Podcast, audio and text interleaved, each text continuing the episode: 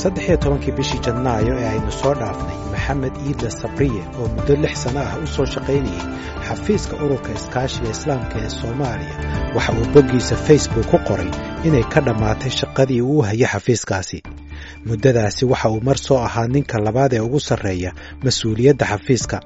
Labadii sane ee u dambaysayna waxa uu ku soo shaqaynayay inuu ahaa kusimaha agaasimaha xafiiska laakiin maxamed iidle sabriye kuma uusan xusin qoraalka sababta ay shaqadu uga dhammaatay. Maxamed iidle sabriye waxa uu ka mid ahaa laba ka tirsan shaqaalaha ururka oo ay si u qaabilsan gargaarka soomaaliya oo midna qandaraaska loo cusboonaysiin waayey kan kalena shaqadii laga wareejiyey.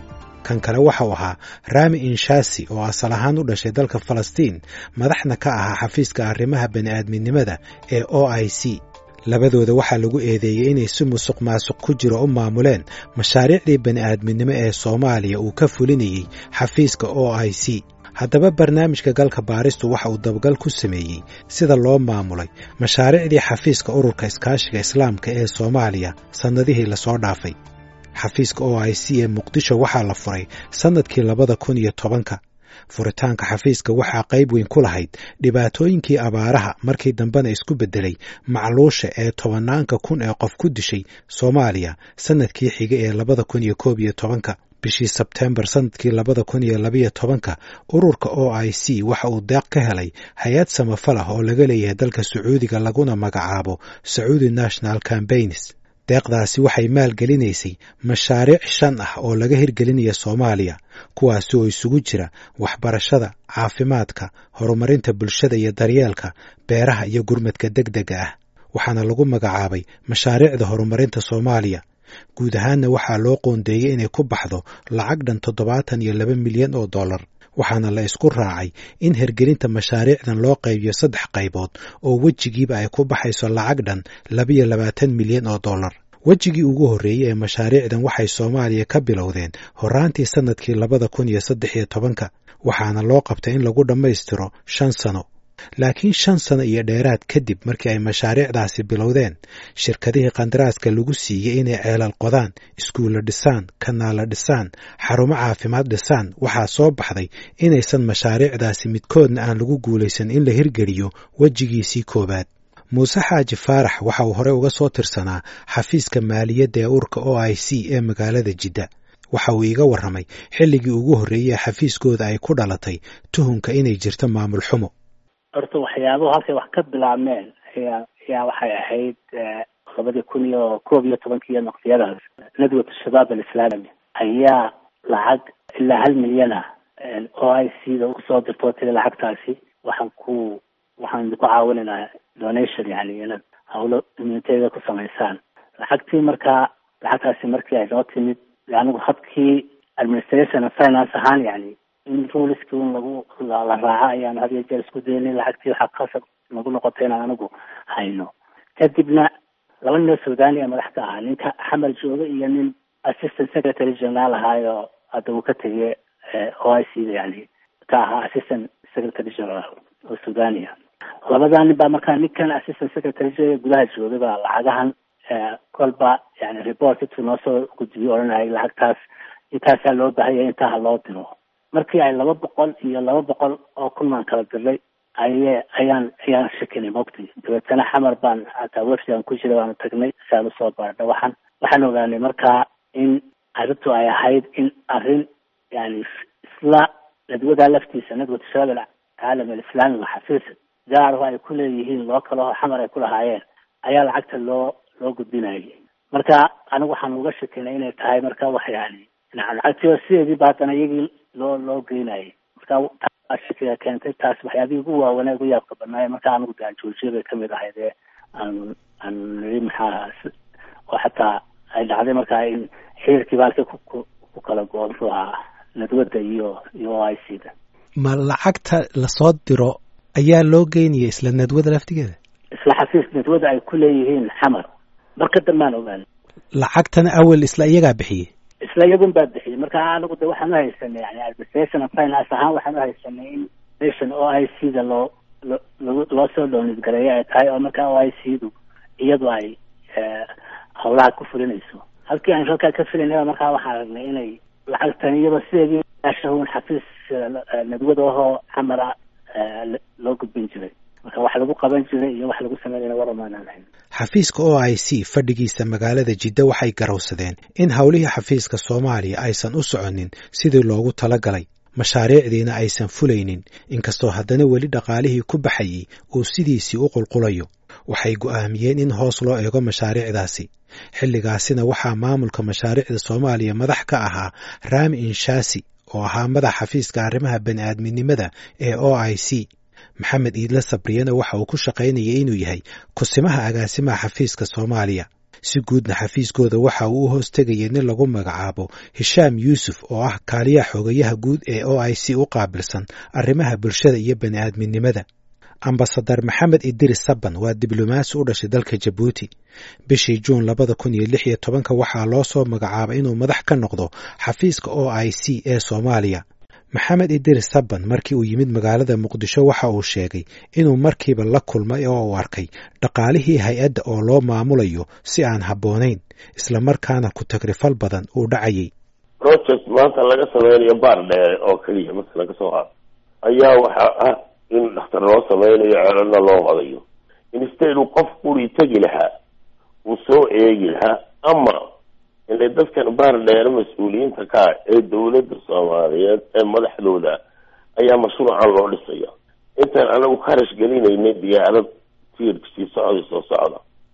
Maxaan ku dhaha security la raaciyo ninkaas ciidan dhan baa la qaataa markaan tegaya meel oo ciidan baad kiraysanaysaa waxaa jira expenses ciiddaa leego overhead ciiddaa ka fara badan oo ku baxaya tegitaanka ninkaasi tegayo si uu meeshaa u soo eego bil walba marka anigu waxaan sajistgareeyay lahayd waxaan ku waa instead aynu waxaasoo kharasha galayno. Maadaama waxaan uu yahay wax aynu ka helayno fankan soomaaliya la siiyey. Inagu mushaaradeena iyo running costkan aynu xafiiska aynu ka helayno. Aniga waxayna quman inaynu yarayno. Fankaa xoog u yarayno. Oo inta badan uu galo wixii loogu talagalay. Intuu geli lahaa kharash mala yacniga ee ah diyaarado la qaatay iyo ciidamo la kiraystay iyo waxyaalahaas anigu markaa waxaan ka warhayaa ma jira waxaa iga ahayd honesty iyo walaan iyo daljacayl iyo dadjacayl markaas hawsha meesha waa meesha quran mushaarada laga kabo oo marka safar loo baxayo three thousand dollars baa la qaadanayo oo ah safarka inta qofka ku maqanyay plus another three thousand or over oo security securitygiisiya plus another oda wax ciidda leego seven to eight thousand buu qofkii ku baxaya. Projectkii markuu caynkaa yahay walaalo dee waxa weeyaan overheadkii ayaaba ka badan wixii projectka loogu talagalay. Maxamed idris saban waxa uu ii sheegay in boqolkiiba shan iyo labaatan dhaqaalaha o i c ay ugu tala gashay mashaariicda soomaaliya inay ahayd inay ku baxdo mashaariic laga hirgelinayo somalilan waxa uu soo jeediyey in mashaariicdaasi la bilaabo balse ma uusan ogeyn in goor hore xafiiska muqdisho uu u gudbiyey xafiiska jidda qiyaasta lacagta ku baxaysa barnaamijyada gurmadka deg dega ah gaar ahaan kuwa iftaarka balse xafiiska jidda uu hakiyey mashaariicdaasi maadaama lacagta lagu qiimeeyey inay ku baxayso ay badan tahay marka loo eego dadka qiyaas ahaan ka faa'iidaysanaya. Maxamed idris saban ayaa iiga warramay sida ay wax u dhaceen. Iyagu markii hore waxay ahayd this one hundred thousand dollars in minimum kun faami ha loogu iibiyo. Iyagu waxay ka soo qaadeen shan boqol oo faami unbay ku filanta waa gartay. Waa sida markii dambe laygu sheegi doona anu warkii hore warmahay waa gartay. Anigu sidii honestigaygaan sameeyo one hundred one thousand baan jeeda one thousand two hundred families baan ka dhig markaasaa markiiba la soo abruuf gareeyey lacagtii baa koonkeyga lagu soo shubay. Lacagtani waxay noqotay luqmatal xaruuq ayay ku noqotay raggii yuusuf hishaam yuusuf iyo ninka maxamed iidi iyo colkoodii the minute aan arrintaasi gacanteeda soo gashay waxaa lagu yidhi waa in la sameeyo in ninkan la eriyo lacagtaasina bixin. Waya lacagtaas hadday naga baxdo? Waxaynu cunaynaa for the coming two years ma dhici doonto. Marka waa in ilooba ilaa la joojiyo lacagtaas si aynan u bixin. Una ninkaasi u qaadin bishii disembar labada kun iyo lix iyo tobanka waxaa si lama filaan ah shaqada looga cayriyey maxamed idris saban waxaana uu isagu aaminsan yahay in loo dhigay shirqool lagaga takhallusayey loogana saarayey xafiiska o i c. Maxamed idris saban waxa uu sheegay in madaxda o i c aysan ilaa haatan u sharaxin sababta uu xilkaasi ku waayey waxaana uu sheeganayaa cadaalad darro. Ninkii secretary generaalka aniga waxba ima weydiin walaaqa ima soo qorin ima xasuus. Xataa aniga waxba ima soo dirin xafiiska uu diray anigu hargeysa jooga xafiiska la iga soo diray oo markaa waxaan arrintan aan ku sheegay mashquulku alaayaha waxay ahayd coup data afgembi la leeyahay inay lacagtaasi bixi by hook and by crook. Sidana sidoodiina way u dhacday. Ninkaas uu soo saxaxay waxaa la yidhi shaqadii saaxiibo waxay kaaga eg tahay december. Ana markaa december maaban joognaaba waxaan ku dhahda sahay adeer anigu mar haddaan la oroonayn tig baat waxbaa dhacday waxbaa xirtay alxamdulilah horraantii sannadkii labada kun iyo siddeed iyo tobanka o i c waxay go'aansatay inay baadhitaan ku samayso xafiiska soomaaliya. Natiijada baadhitaanka uu codsaday ururka iskaashiga islaamka in lagu sameeyo xafiiskooda soomaaliya ayaa soo baxday bartamihii sannadkii hore. Galka baaristu waxa uu helay nuqul ka mid ah natiijada baadhitaankaasi warbixintaasi oo uu sameeyey baadho madax bannaan waxaa ka soo baxday in xafiiska iyo barnaamijyada o i c ee soomaaliya loo maamulay qaab aan wanaagsanayn waxaa warbixintu sheegtay maamul xumo ku tagrifal awoodeed iyo mid dhaqaale ee gargaarka iyo mashaariicdii o i c ay ka waday soomaaliya. Warbixinta waxaa ku caddaa in xafiiska soomaaliya uusan ka soo bixin mas'uuliyaddii bani aadminimo. Waxaa warbixintu ay shaaca ka qaaday inay jiraan in xafiisku uu si joogto ah ugu guuldaraystay maamulka shaqaalaha iyo maalgelinta bani aadminimo waxay sheegtay in xafiiska howlaha bani aadminimada o i c qaybtiisa soomaaliya gebi ahaanba dhaqaalihii uu ku shaqaynayey uu ka go'ay. Waxaa lagu sheegay warbixintaasi in wejigii koowaad ee shantii mashruuc ee horumarinta ee ka socday soomaaliya ayna maalgelinaysay sacuudi national cambaigns oo la soo bilaabay sannadkii labada kun iyo saddex iyo tobanka aan weli la dhammaystirin. Waxaa warbixintu ogaatay in saddex ka mid ah shantaasi mashruuc ay fuuqsadeen dhaqaalihii loogu talagalay wejigii hore iyadoo aanay hirgelin waxay sheegtay in loo baahan yahay in mashaariicdaasi la daba qabto oo la dhammaystiro iyadoo shirkadihii horena laga joojinayo shaqada. Shirkado cusub oo dhammaystirana la siinayo boqolkiiba soddon lacagta mashruuca loogu talagalay ee aan weli la siinin. Shirkadihii ay ahayd inay hirgeliyaan mashaariicda. Lacagta loo hormariyey shirkadaha dhammaantood intii lagu jiray wejiga hore waxaa lagu sheegay inay ahayd lacag ka badan saddex milyan oo dollar warbixintu waxay si weyn u dhaliishay madaxii o i c ee xafiiska muqdisho maxamed iidla sabriye iyo madaxii xafiiska arrimaha bani aadminimada o i c ee fadhiya magaalada jidda rami inshasi. Baaritaanka o i c ee xafiiska soomaaliya waxaa sameeyey muuse faarax oo la taliyo u ahaan jiray ururka o i c. Waxyaabahan maqlay markaa waxaa ka mid ahaa dee in raashinka marka hore dadka ay u qaybiyaan sawir sawiriya waxa ay sameeya de annaga sawirahan baa naloo soo diri jiro intaasoo qof baa raashinkii la gaarsiiye baa la odhanaya. Haddana marka dambe waxaa waxaa dhici jirta baa layidhi in dadkii laga la yidhaahdo wax yar inta la siiyo iska socda oo aan raashinkii lagu sawiray xataa la siin. Marka dhibaatooyin fara badan oo caynkaasa waa iska jireen. Waxaa kaloo warbixintu ay ku talisay in madaxii xafiiska arrimaha bani aadminimada rami inshasi laga wareejiyo maamulka xafiiska dhaqaalaha ee soomaaliya islamarkaana baadhitaan lagu sameeyo waxaana ay taasi sabab uga dhigtay inuu si xun u maamulay dhammaan mashaariicdii arrimaha bani aadminimada ee soomaaliya. Waxaa kaloo warbixinta lagu sheegay in markii xafiiska arrimaha bani aadminimada ee o i c uu isku dayay inuu qandaraasyo cusub siiyo shirkado cusub oo dhammaystira mashaariicda qabyada ah in madaxii xafiiska arrimaha bani aadminimada rami inshasi uu kelidiis maamulay qandaraasyadaasi waxayna taasi keentay in laba mashruuc oo ku kacaya hal dhibic shan milyan oo dollar qandaraaskooda la siiye laba shirkadood oo uu isku leeyahay qof keliya qofka labada shirkadood iska leh waxaa baadhitaanka lagu sheegay inay ehel yihiin rami inshasi.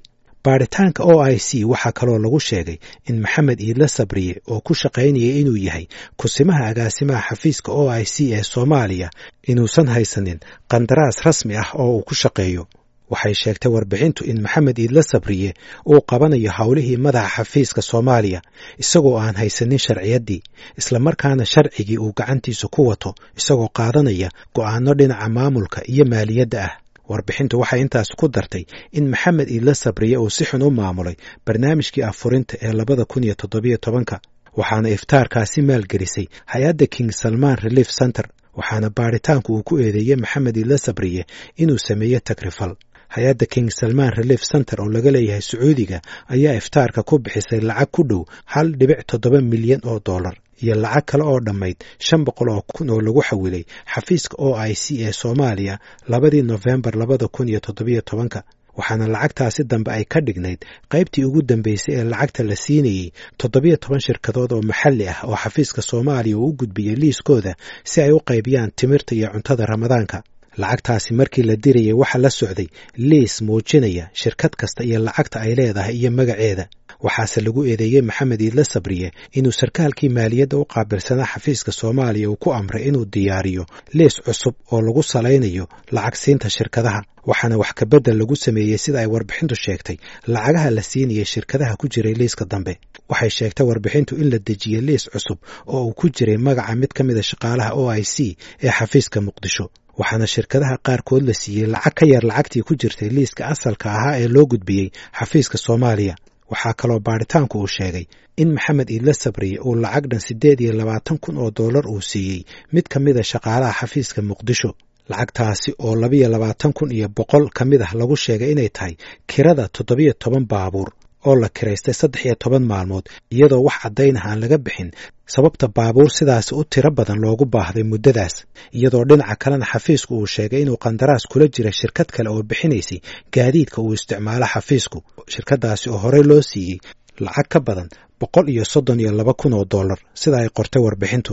Waxaa kaloo baaritaanku uu sheegay in shirkad ka shaqaysa konteynerada u soo degaya o i c oo ku sugan berbera. Hawshaasna lacagtooda si buuxda loo siiyey in haddana shirkaddaasi la siiyey lacag dheeraad ah oo dhan soddon kun oo dollar islamarkaana loo qoondeeyey in la siiyo soddon kun oo kale oo dheeraad ah oo la xidhiirta qaybinta timirta iyadoo aysan shirkaddaasi shaqo ku lahayn qaybinta iftaarka sida lagu qoray warbixinta muuse xaaji faarax oo baaritaanka sameeyey waxaan weydiiyey guud ahaan lacagta mashaariicdan ku luntay inta ay dhan tahay. Horta runtii dee lacag ahaan ma ma ma ahayn. Waxa weeye wixii raashin dibadda laga keeno dibadda ayaa inta badan iyaga distribution sameynayeen. Ee ma ahayn wax yani lacag toos oo iyaga loo soo dirayo ma jirin ama toos loo loo siinayay.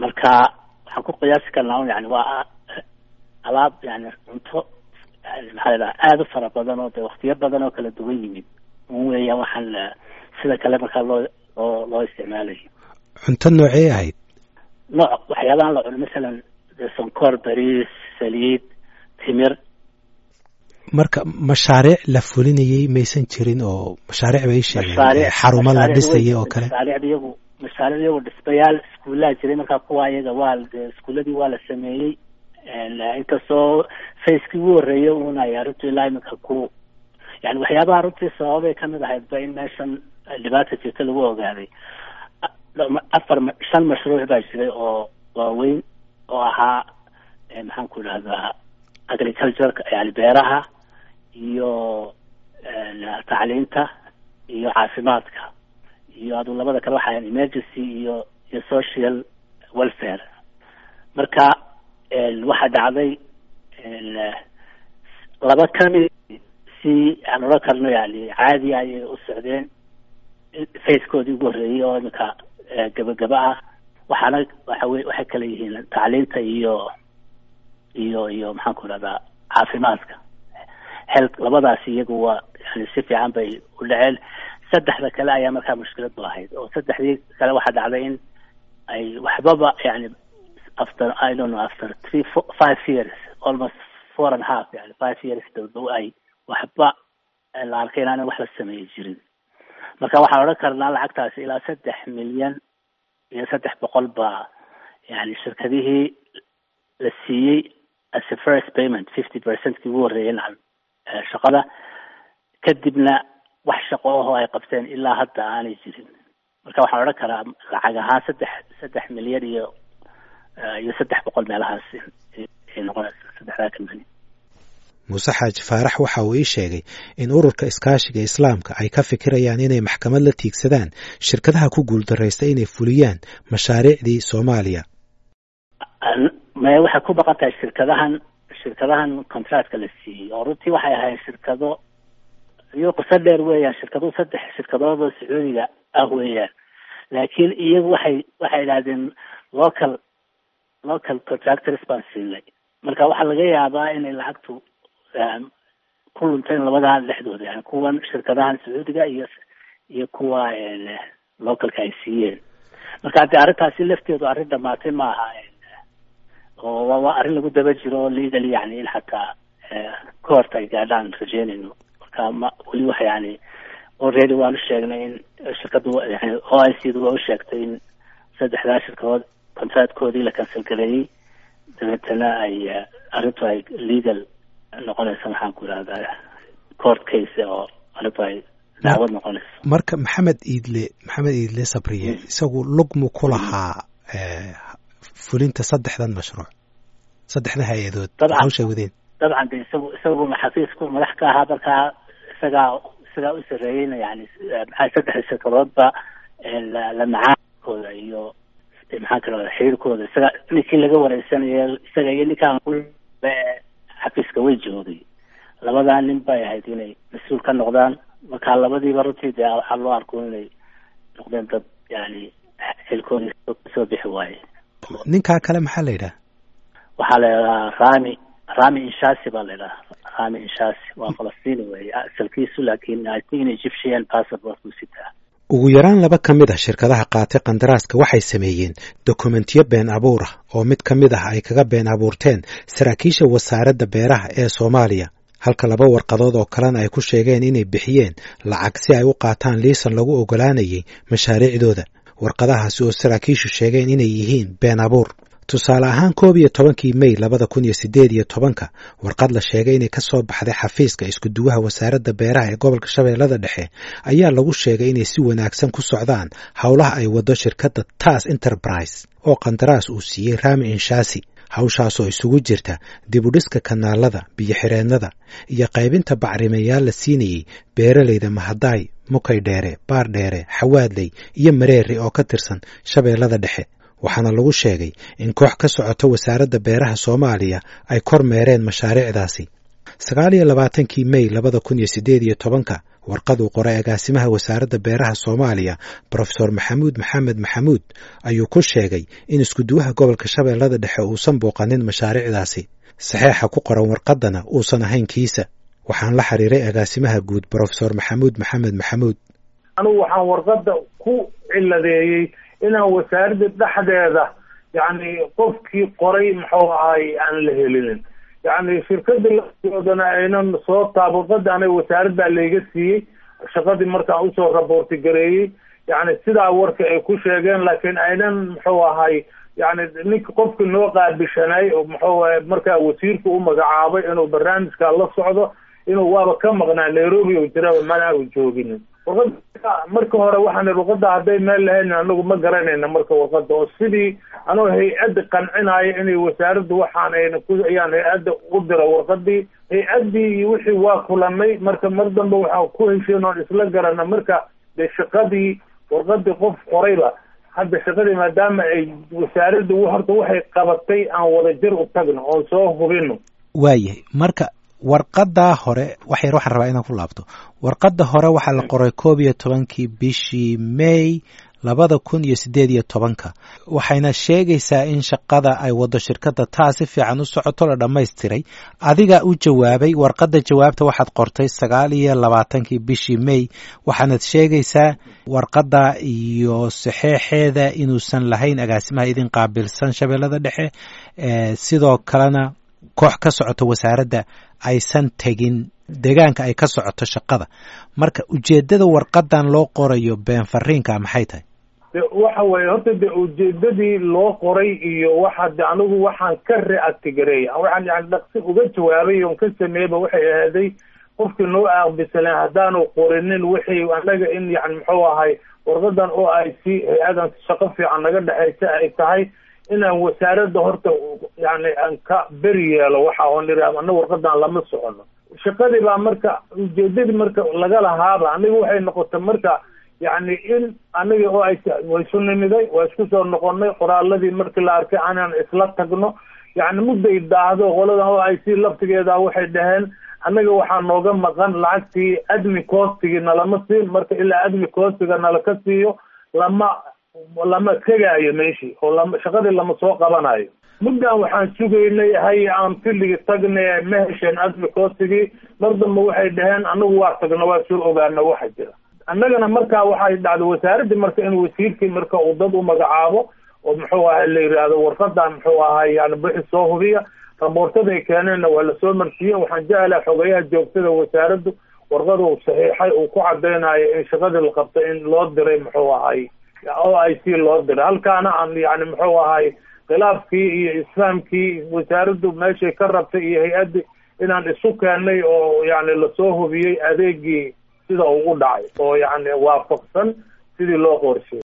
Shirkad kale oo ka mid ah kuwa qandaraaska ka qaatay xafiiska o i c waxay xafiiska o i c u gudbisay laba warqadood oo luqadda ku qoran ay isku mid tahay. Inkastoo ay ku kala duwan yihiin taariikhda la qoray iyo qofka saxeexay labada warqadood waxaa ku qoran in laba mas'uul oo ku kala sugan beled weyne iyo degmada yaakshid ee magaalada muqdisho ay ka dalbadeen lacag isugeyn ahaan dhan sagaal kun iyo shan boqol oo dollar. Lacagtaas oo noqonaysa oggolaanshaha inay iskuullo ka dhisaan labadaasi goobood. Mid ka mida warqadahaasi waxaa lagu qoray inuu saxeexay duqa degmada yaakshid axmed maxamed xasan.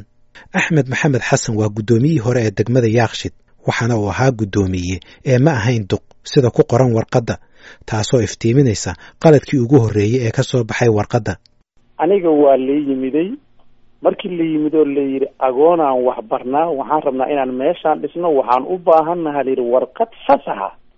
Anigana guddoomiye maadaamaan ahay ummaduna mas'uul ay iga saaran tahay warqadiyaan u qoray waa siiyey ma garatay? Waa gartay warqadii dadkan lacag ku dalbadeen sacuudiga miyaa maaqaan balaayay lacagay ku dalbadeen frooday sameeyeen marka lacag. Waxay koobiyeyeen saxiixi waxayba ka dhigeen mayor of yakshiid anigana waxaan ahay district commissioner mogtahay guddoomiyaha degmada yakshiid warqadiyaa soo baxday gobolkay ku soo noqotay gobolkaa laga warqadiaan soo qaaday ayagaan keena hala soo xiraa la yidhi waa kala dhunteen difante c i d in la geeyey aheeday way kala carareen waa la waayey dib isuguma soo noqon aniga iyaga ayagaaba la raadinayaba oo qolo frood sameeyey oo been abuur sameeyey oo warqadii qaaday oo guddoomiyaha gobolka u geeyey lacagay ku dalbadeen cid lacag ka qaadana ma ay jirto. Warqadan taarikhdeedu ahay sideed iyo tobankii ma sideed iyo tobankii bishii maarso labada kun iyo sideed iyo tobanka oo magaca magacan ku qoran magacan ada ii sheegi doona magacaaga saxda ah ee aniga magaceyga waxaa lahahdaa axmed maxamed xasan la yihahdaa axmed maxamed xasan sidaasaa ku qoran. Marka warqadan lagu dalbanayo in ogolaansho aad bixiso dhismaha xarunta agoonta. Sidaas darteedna ogolaansho si aad u bixiso shirkaddu ay ku siisay ooy bixisay afar kun iyo shan boqol oo dollar. Lacagtaasi ma jirtaad leedahay? Wax ka jira ma jiraan. Fiiri annaga waxaan fasaxnaaba sidoodaba waxba hay'ad ku taqan oo hay'adba ka socda oo masaakiinta loogu qabanayo waxba lagama qaadin karo annaguna waxba kama qaadin karno cid lacag ka qaadana ma jirto weligoodba lagama qaadin. Waaba laysku haystahaan ku dhahay. Mifat waxaan ka hadlahay walaalkay marka saxeexan waa beentood waa soo waceen. Marka ayagaa la raadinaya marka annaga waxaan ufasaxnay fiiri waxaan ufasaxnay annaga oon ufasaxnay annaga in ay dhistaan meeshooda. Warqaday qorteen marka iyaga guunu qorteen. Oo kale oy saxiixii koobiyeyeen timbariyii koobiyeyeen warqada hadda aa sheegaysay waxooda ku qorteen way diraan warqada haba yaraatee wax lacaga oo ay adiga ku siiyeen amaad ka qaadatay miyay miyaa jirtay? Maba ka qaadnaba annaga waxba kama qaadnaba. Dadka noocaas oo kale ummadda u kaalmeeya annagaa soo dhaweynaba. Waa gartay laakiin haba yaraatee wax adiga kaa soo galay miyaa jirta no no no no no no fi hawshaan waxa qabtay waxaa waaye degmada shaqadaa qabatay waxaa degmada u qabtay weliba waxaa keenay xogayahaygaa ii keenay. Ma fahamtay nimanku meeshaa la keenay xogayaha warqada noo keenay waxay meeshaasaan rabaa in wax laga qabto oo aan iskuulka dayac tiranaan rabnaa guddoomiye waxaan kaa codsanaynaa si milishiibiyada aysan noo dhibin ama guddoomiye waaxeedka ama wax kaloo kor ka socdo oo militariya ee noo qashqashaadin waxaan rabnaa warqada degmadii annaga haysano. Warqadii aan qoray anigana waa hayaa inkastoo warbixinta baaritaanka o i c ay ogaatay in qandaraasyada uu bixiyey raami inshaasi isagoo aan la tashan xafiiska muqdisho. Haddana waxaa xafiiska madax ka ahaa maxamed iidla sabriye waxaana warbixintu ku talisay in marka la eego sida uu u maamulay mashaariicda iftaarka iyo xafiiskaba laga joojiyo awoodaha maamul iyo kuwa maaliyadeed ee uu leeyahay. Haddaba waxaan kula xiriiray khadka telefoonka maxamed iidla sabriye waxaanan u sheegay macluumaadka uu helay galka baarista waxaanan maxamed iidla sabriye siiyey fursad ah inuu isdifaaco. Kadibna waxaana dhex maray sheekadan. Niyaho horta waa mahadsan tahay waxaan jeclaan lahaa in arrintan hadda aanan ka hadlin maxaa yeelay o i c aniga weli ma kala dhammaanin arrintaasna way iga cusub tahay. Aniga o i c na iyo dad ka shaqay jiran xumaan kumaana kala tegin. Marka adigoo mahadsan markii o i c aan kala dhammaano ayaan wixii aan ku siin karaan ku siin karaa walaal adoo raalli ah.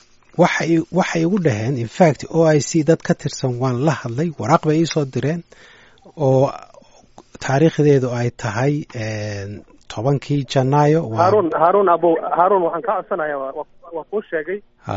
Waxaan ku yidhi o i c iyo shaqaalaheeda iyo waxa weli maanan kala dhammaan waan kala dhammaanay dheheen iyagu. Waan kala dhammaanay maya ma kala dhammaanin ma kala dhammaanin oo weli waxbaa dhiman maxaa isugu keen dhiman marka waxaan kaa codsanayaa arrintaas hadda kama hadli karo ilaa aan o i c horta aan maxaan ku rahda si fiican u kala dhammaano maxaa isugu keen dhiman iyagu laba waraaqood baan ka hayaa oo midna ay dowladda u qoreen midna adig kuu soo qoreen.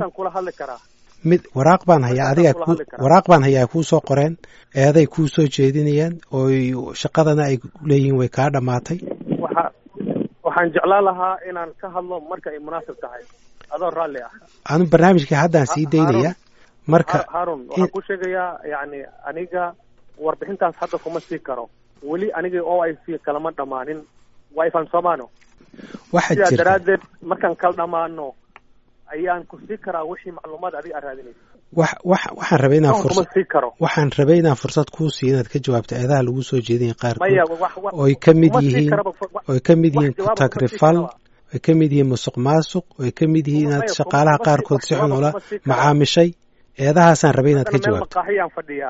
waqti ii qaba aan ku soo wace waqti ii qaba aan ku soo wace i taariikhii qab taariikhii qabo. Iyaga laba waraaqood baan ka hayaa. Midna dowladda soomaaliya ay u qoreen.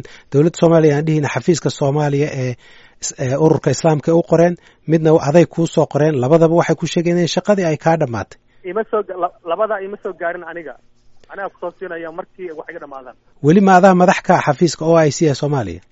Wax faahfaahin oon ku sii kara ma jiro anigii o i c weli kalama dhamaan intaa Ah. keliya ayaa kugu ekeynaya waxaad ka warhay dhamaano wax rabti weydii marka laakiin waxaad ka warhaysaa in mas'uul cusub loo magacaabay xafiiska o i c.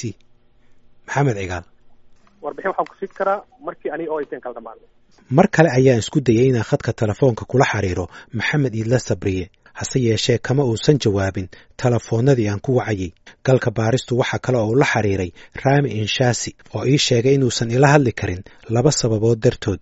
Waa tan hore in laga wareejiye xafiiskii arrimaha bani'aadmidnimada loona wareejiyey xafiiska arrimaha dhaqanka iyo tan labaad oo ah inaan loo oggolayn warbaahinta inuu la hadlo markii aan u sheegay macluumaadka uu helay galka baarista ee ku saabsan maamul xumada shanta mashruuc ee ahayd in wejigooda hore lagu dhammaystiro shan sannadood iyo maamul xumada lagu sheegay warbixinta ee qandaraasyadii uu siiyey shirkadaha kale waxa uu igu yidhi waan la yaabanahay waxa aad sheegaysid. Waxaad la xiriirtaa kaaliyaha xogayaha guud ee o i c. Waxaan la xiriiray kaaliyaha xogayaha guud ee arrimaha bulshada iyo bani'aadmidnimada hishaam yuusuf oo uu eedayn u jeediyey ambasador maxamed idiri saban waxaana u sheegay macluumaadka uu helay galka baarista. Hishaam yuusuf waxa uu ii sheegay inaanu waraysi bixin karin. Ugu dambayn galka baaristu waxa uu waraystay kaaliyaha xogayaha guud ee ururka iskaashiga islaamka ee arrimaha maamulka iyo maaliyadda cabdalla almansuur. Cabdalla almansuur waxa uu difaacay hishaam yuusuf oo uu sheegay inuu kalsooni ku qabo. Cabdalla almansuur waxa uu ii sheegay inuusan la macaamilin raami inshaasi laakiin uu aaminsan yahay inuu sharciga ku socdo oo wax qalad ah uusan samaynin. Haddii aan wax qalada ku hellana ayuu yidhi tallaabo adag ayaan ka qaadaynaa. Cabdalla almansuur waxaa kaloo uu ii sheegay in maxamed iidla sabriye qandaraaskii ka dhammaaday kadibna ay diideen inay u cusboonaysiiyaan. Waxa uu sheegay inay iyagu leeyihiin mas'uuliyadda go'aanka ay ku soo afjareen qandaraaskiisa.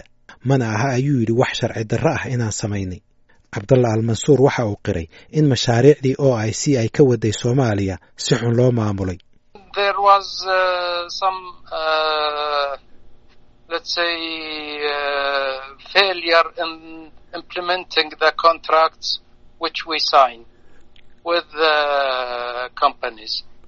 waxaa jiray in shirkaduhu ay ku guuldaraysteen hirgelinta qandaraasyadii aan saxeexnay.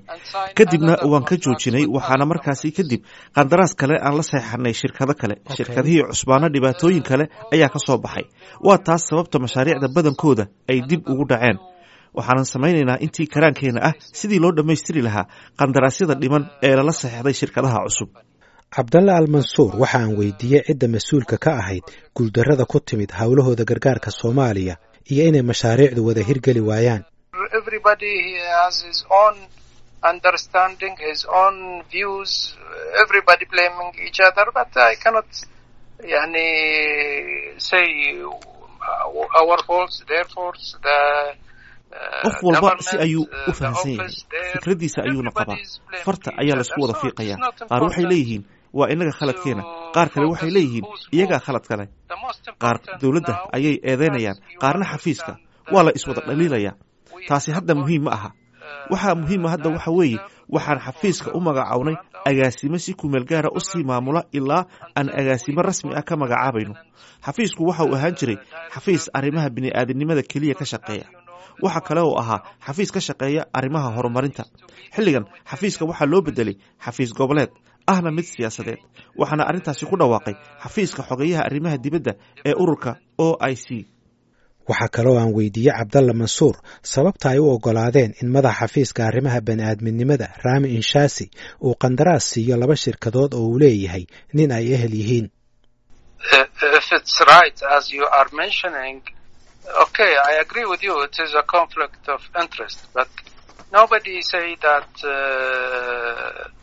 haddii ay sax tahay sida aad sheegtay waan kugu raacsanahay waana dana iska hor imanaya. Laakiin ma jiro qof si rasmiya u odhanaya suurtagal ma aha in wax kasta si faahfaahsan loo sheego xilligan. Qandaraaska weli waa laga wada hadlayaa. Weli waawaan iyo hirgelin ayaa socota waxaan filayaa inaad igu raaci doontid inaan wax walba la sheegi karin iyadoo aan dhammaystirnayn ama aanay soo dhammaanin. Waxaa suurtagal ah in ay maxkamadi gaadho go'aanka. Waxaa suurtagal ah in heshiis la gaadho. Sidaasi darteed ma habboona in wax kasta la sheego. Hadda xafiiska waan ka maqanahay.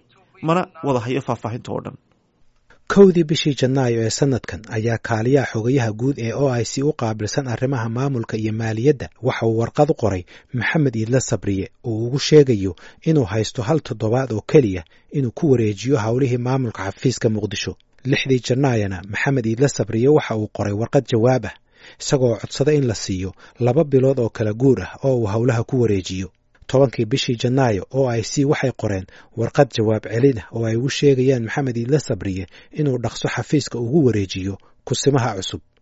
Siddeeddii bishii janaayo o i c waxay qortay warqad xafiiska arrimaha bani'aadminimada ee soomaaliya looga wareejinayo doctor raami maxamed inshaasi oo lagu eedeeyey inuu si xun u maamulay qandaraasyada la siiyey shirkadaha fulinayey mashaariicda o i c ee soomaaliya sagaal iyo labaatankii janaayo xafiiska ururka iskaashiga islaamka ee jidda waxay xayeysiiyeen shaqada agaasimaha xafiiska soomaaliya